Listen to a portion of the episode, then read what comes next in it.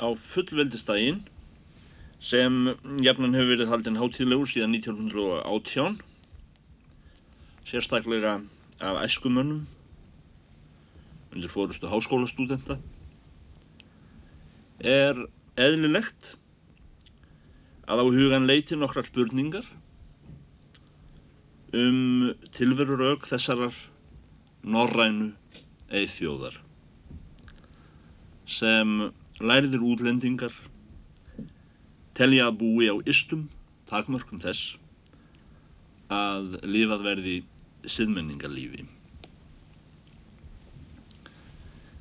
Þessi minningardagur stúdenta um fullveldi Íslands er haldinn að upphafi hávetrar.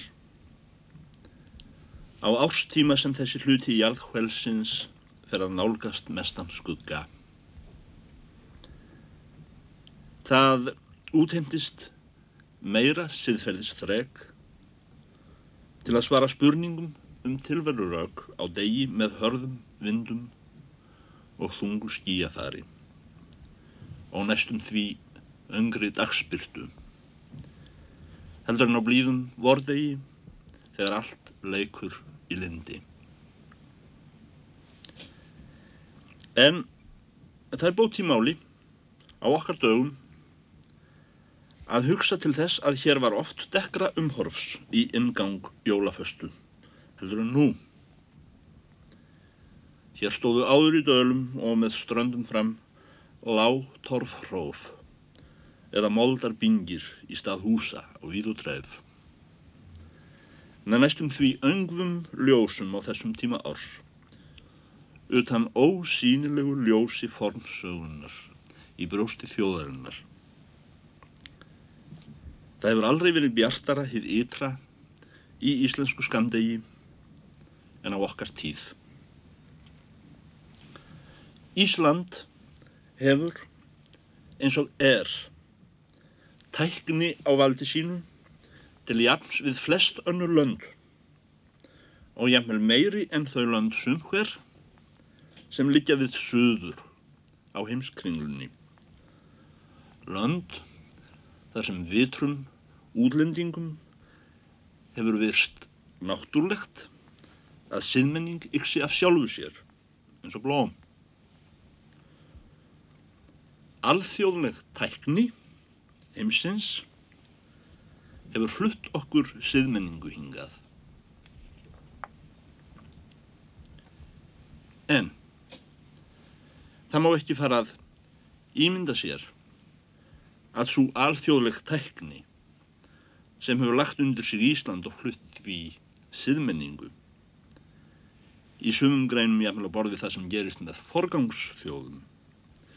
Hafi streymt hér fram fyrir tilverknað undurs líkt og þegar Móses draf staf sínum og klett. Fullveldinu hefur fyllt innlendur atvinnurekstur, íslenskar siglingar og íslensk utanríkisverslun. Þjóðin jógst að afli til að starfa á teknilegum grundvelli, til að sigla og versla um leiðum sleit af sér nýlanduböndin. Vinnu afl íslensku þjóðarinnar var gert arðbært, því var beint til viðreysnar nútímalegs þjóðarbúskapar. Það var gert að grundvelli undir íslenskum þjóðarhag, undir sjálfstæðri nasjónalökonomíu. Og svo mun halda áfram. Siðmenning og velmeigun aukast í þessu landi meðan og því aðeins starfskröftum og hugviti íslenskra manna verði beint að eblingu sjálfstæðis íslensks þjóðarbúskapar á tæknilegum grundvelli. Undirstaða auðulegar á Íslandi er vinnu afl þjóðarinnar. Áður meðan við vorum útlend nýlenda var flutt hérðan hvert það verðmæti sem nýlendustjórnin kærði sig um að hafa af því lítilræði sem frumstæðir bændur og sjósóknarar sóttu hörðum höndum í sköður lands og sjáðar. Langtímum saman fannst henni erlendu nýlendustjórn þó valla svara kostnaði að senda Íslandingum öngla eða færi til að draga fisk. Öll þjóðin lifði við kjör fangabúðar þræla. Einstökur sinnum létt nýlendustjórn senda hingað skip með hallæriskorn þegar fólkið var farið að horfalla. En slíkar sendingar áttu meira stilt við kristilega góðgerðastarfsemi en hagfræði og hafa vonandi orðið til að ebla gefundunum þeirrar vistar í himnaríki sem kristileg góðgerðastarfsemi hefur að þagmarki. Eftir alþjóðlegu hagstjórnarlögmáli mun svo ennverða að meðan útlendingar ráða vinnuafli manna á Íslandi þá ráðstafa þeir því sér í hag og sínum fyrirtækjum þeir reysa einhverjar stasjónur hér og hvarum landið og þangað hverfa starfandi menn íslenskir til þess að gerast óvirkir þjóðfélagsþegnar. Þessum starfsmönnum við hinn útlendu fyrirtæki er að vísu greitt í penningum en verðlitlum penningum sem eru gleiptir í afnóðum af brennivínsölum, sukkulaði framleiðendum og móibúðum. Þessir penningar fara sömuleið á verkið sem þeir eru góldnir fyrir, fyrir norðan, gard og neðan í íslenskum þjóðarbúskap. Mér verðist ekki út í bláin á fullveldistegi Íslendinga að leiða hugan að því hvort við eigum að sólunda íslensku vinnuþreiki í útlenda verkleysu heldur en hagnýta hugvit og handafl landsmanna til að efla innlenda atvinnuvegi siglingar og verslum. Ebla íslenskan þjóðarbúskap. Ebla það fullveldi Íslands sem ekki sé aðeins orðin tóm. Við höfum á næstliðnum áratugum að verulegu leiti gert okkur fjárhagslega undirstöðu sem hæf sé að bera alþjóðlega nútíma tekni.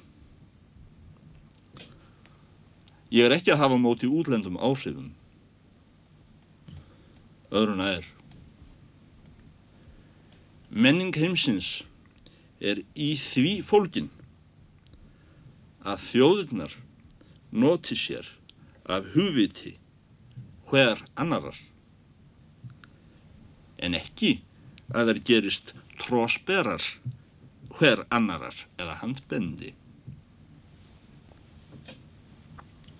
Þó við séum ríkari að afli og hugviti en nokkru sinni fyrr í þjóðarsögunni. Þá er slikt lítils nýtt ef við höfum ekki þá trú á manngildi okkar.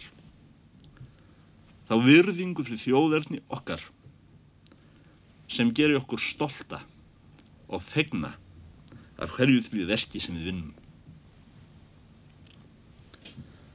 Það er holdt að minnast þess að trúin á Ísland og sannfæring þess að við værum skapaði sjálfstæði þjóð var stundum aðlega Íslandinga. Þó við hefðum leift purkunarlausum valdamönnum að spila öllu af okkur þangað til við stóðum uppi sem einn vesalust þjóð í Evrópum, hagsmunulega séð. og lifðum í moldarhólum eins og refir eða mís. Það var þó einn þáttur í þessari litlu fátæku þjóð sem aldrei brast. Sannfæringin um tilverurétt okkar, vissan um að við værum sjálfstætt fólk, domgrend sem gerði fyrirskipanir útlendinga að hlægilegum bjálfaskap á Íslandi. Meira segja á tímum meðan Ísland var kallað hjáland annars lands og þjóðarhagur vor háður duttlungum útlendra nýlendustjórnar. Á miðöldum er erkibiskupar seldust hér til valda í nafni Guðs og sendu hingað bref af útlöndum um það hvernig Íslandingar ættu að sitja og standa í landi sínu. Þá var hér fyrir í landinu þjóðlegur siðferðistyrkur. Hverju erlendu valdbóði meiri? Sá sem lýsir sér í orðum höfðingjans Jóns Loftssonar þegar honum var bóðaður vilji erlends valdamanns um það hvernig hann ætti að haga sér á Íslandi og hverjum að þjónkast í heiminum. Þá svaraðan þeim orðum sem síðan hafa staðið næst hjarta sér hvers framlegs manns og sæmilegs drengs á Íslandi. Heyra má ég erkibiskups voðskaps, sagði þessi gamli ottavergi Jón Loftsson. En ráðin er mikið því að hafa hann að öngum. Og eigi hygg ég að erkibiskup vilji betur nýja viti en mínir foreldrar Sæmundur hinn fróði og sínir hans. Útlend valdbóð fer ekki snertan mann mér þá þjóð sem hefur ágæti forfæðranna sér að þiðferðilegum bakhjalli og leiðarvísi í vandamálum líðandi stundar. Sjálfstæðiskendin og sannfæring manns um manngildi sitt er þess konar verðmæti andlegt sem ekkert valdbóð megnar að skjafða og ekki líkamlegar hýrtingar hafa mátt til að brjóta. Jáminn ekki hlekkir, hvort heldur þeir eru gerðir af járni, ellegar eru þjóð meigunulegs eðlis. Játast aldrei undan því sem við vitum að er réttur í þessu landi og réttur þessa lands, það er sjálfstæði. Þó við byggjum öldum saman sem ölmusumenn í moldarbingjum, eins og ég sagði á það, þá vorum við sjálfstæðir og fullvalda að því leiti sem við viðurkendum ekki í hjarta okkar. Að nokkur útlendur landstjórnar maður, erkibiskup eða herrstjóri ætti húsbóndarétt yfir Íslandi. Og þó þessi tilfinning lifði stundum veiku lífi, djúpt undir þelanum. Dó hún aldrei út á neinu tímabili þjóðarsögunar hjá íslenskum almenningi og hinnum bestu mönnum landsins. eins og skaut sprotum sem voldugt líftré í sjálfstæðisreyfingu 19. aldar þar sem Jón Sigursson var og svo ymsir ágættir samverkamann hans sem er forgöngumenn hans aðrir eftirmenn Það er ekki óalgent viðkvæði hér á Íslandi. Nú á dögum. Þegar talið best að nöðsinn þess að marka stefnu Íslands sem sjálfstæðs og fullvalda ríkis í einhverju máli. Að menn segja svo ég er þessu máli fylgjandi í hjarta mínu og ég skal reyna að styðja það. Svo lítið ber á. En ég vil ekki láta bendla mig við það ofinbellega því þá getur verið að ég fá ekki stöðuna sem ég er að hugsa um eða missi þá stöðu sem ég hef. Eða mér verði sinjað um lán sem ég þarf að fá. Eða fái ekki að fara til Amríku og verði meira að segja kannski skammaður í blóðum Það eru heimildir fyrir því að barátta Jóns Sigurdssonar og samherja hans hafi ekki í fyrsta lagi verið háð við hérna erlendu nýlendustjórn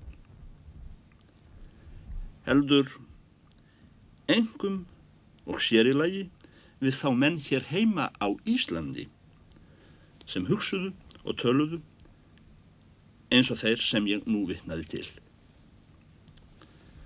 Menn af þessu tægi eru höfuð óvinnir sjálfstæðis og fullveldis þjóðarsennar. Ekki vegna þess að þeir eigi beinan þátt í að ráða landið undir útlendinga. Það gera venjulega aðrir sem standa þeim ennþá ofarað mannviljum. Heldur af því að þeir eru rættir við að fylgja því sem þeir vita rétt. Það er hörmulegt þegar mann fara að líta á embætti sín, stöður eða lánströst sem gíligjafir sér til handa fyrir að fylgja fram því sem þeir vita að er rámt. Þegar einhver hópur í, einhver álitlugur hópur í framáliði þjóðar hefur þannig mist hið innra sjálfstæði glatað hugmyndinni um manngildi, þá er ekki góðs að venda. Sjálfstæði þjóðar hefst ekki í fullveldi á pappirnum, nýja í skálaræðum, eða í húrarhrópum, heldur á því að trúnaðarmenn almennings, öngu síður en almenningu sjálfur, þóri að vera menn. Þóri að standa upp í hárinu á hvaða útlendum erkibiskupi sem vera skal og staðfesta að maður sé Íslendingur eftir þeirri siðferðiskröfu sem í orðinu Íslendingur felst. Útlendir ofríkismenn sem hafa tróðið sér inn og sest upp í ókunnu landi fyrirlíta öngvæjafn innilega og þá menn innlenda sem mæla þeim upp í eðrun. Þeir vilja þá yfirleitt ekki við tals nema til að skipa þeim fyrir verkum. Það líkur í hlutanins eðli að útlendur ásælnismæður virðir þann Íslending einan sem stendur fast á sjálfstæði og fullveldi landsins.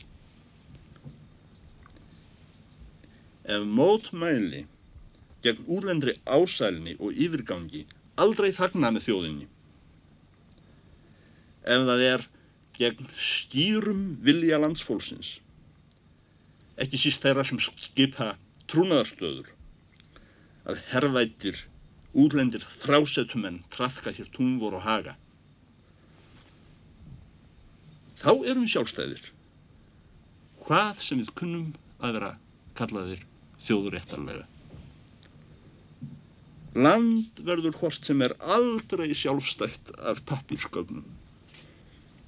Land verður ekki heldur ósjálfstætt þó útlend stríðsfólk tróði landsfólkinum þær. Menn er ekki orðnir ósjálfstæðir að merki fyrir þeir byrja útlendinga að ganga á sér. Það er engin kunst að vera sjálfstæður.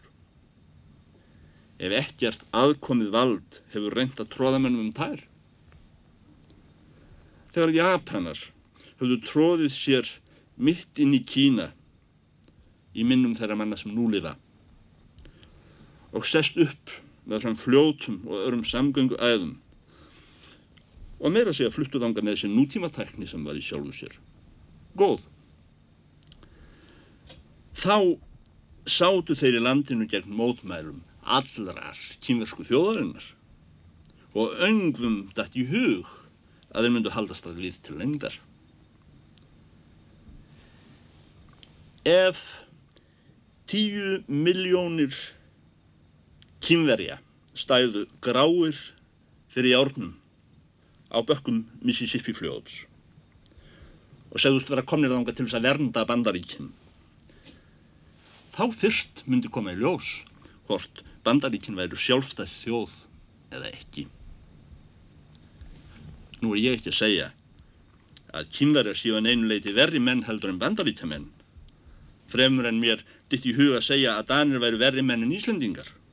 Þó dansk stjórn hefði haft Ísland að nýlendu og hjálandi í mörgundruð ár. Það eru nær. Ég held að kynverðar séu alveg eins góður og bandaríkjamenn.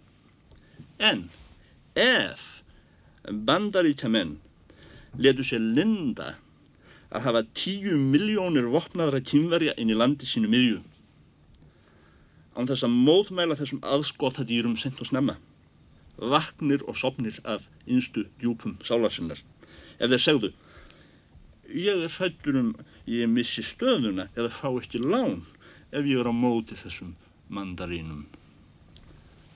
Þá mundu bandaríkjaman vera ekki aðeins ósjálfstæð og ófullvalda þjóð í landi sínu og það ekki síður þó þeir hétu sjálfstæð þjóð í einhverjum pappirskögnum. Heldur mundu þeir vera verri þjóð en kýmverjar. Þessar hugleiðingar um sannverulegt sjálfstæði þjóðar og við innra fullveldi. Enda þótt land sé nýlenda eins og Ísland var áður, fyrr, eða útlend herstöð eins og það er nú, hljóta að vakna hjá sérhverjum Íslendingi af því tilefni er íslenskir æskumenn og menta halda þennan desemberdag heilagan.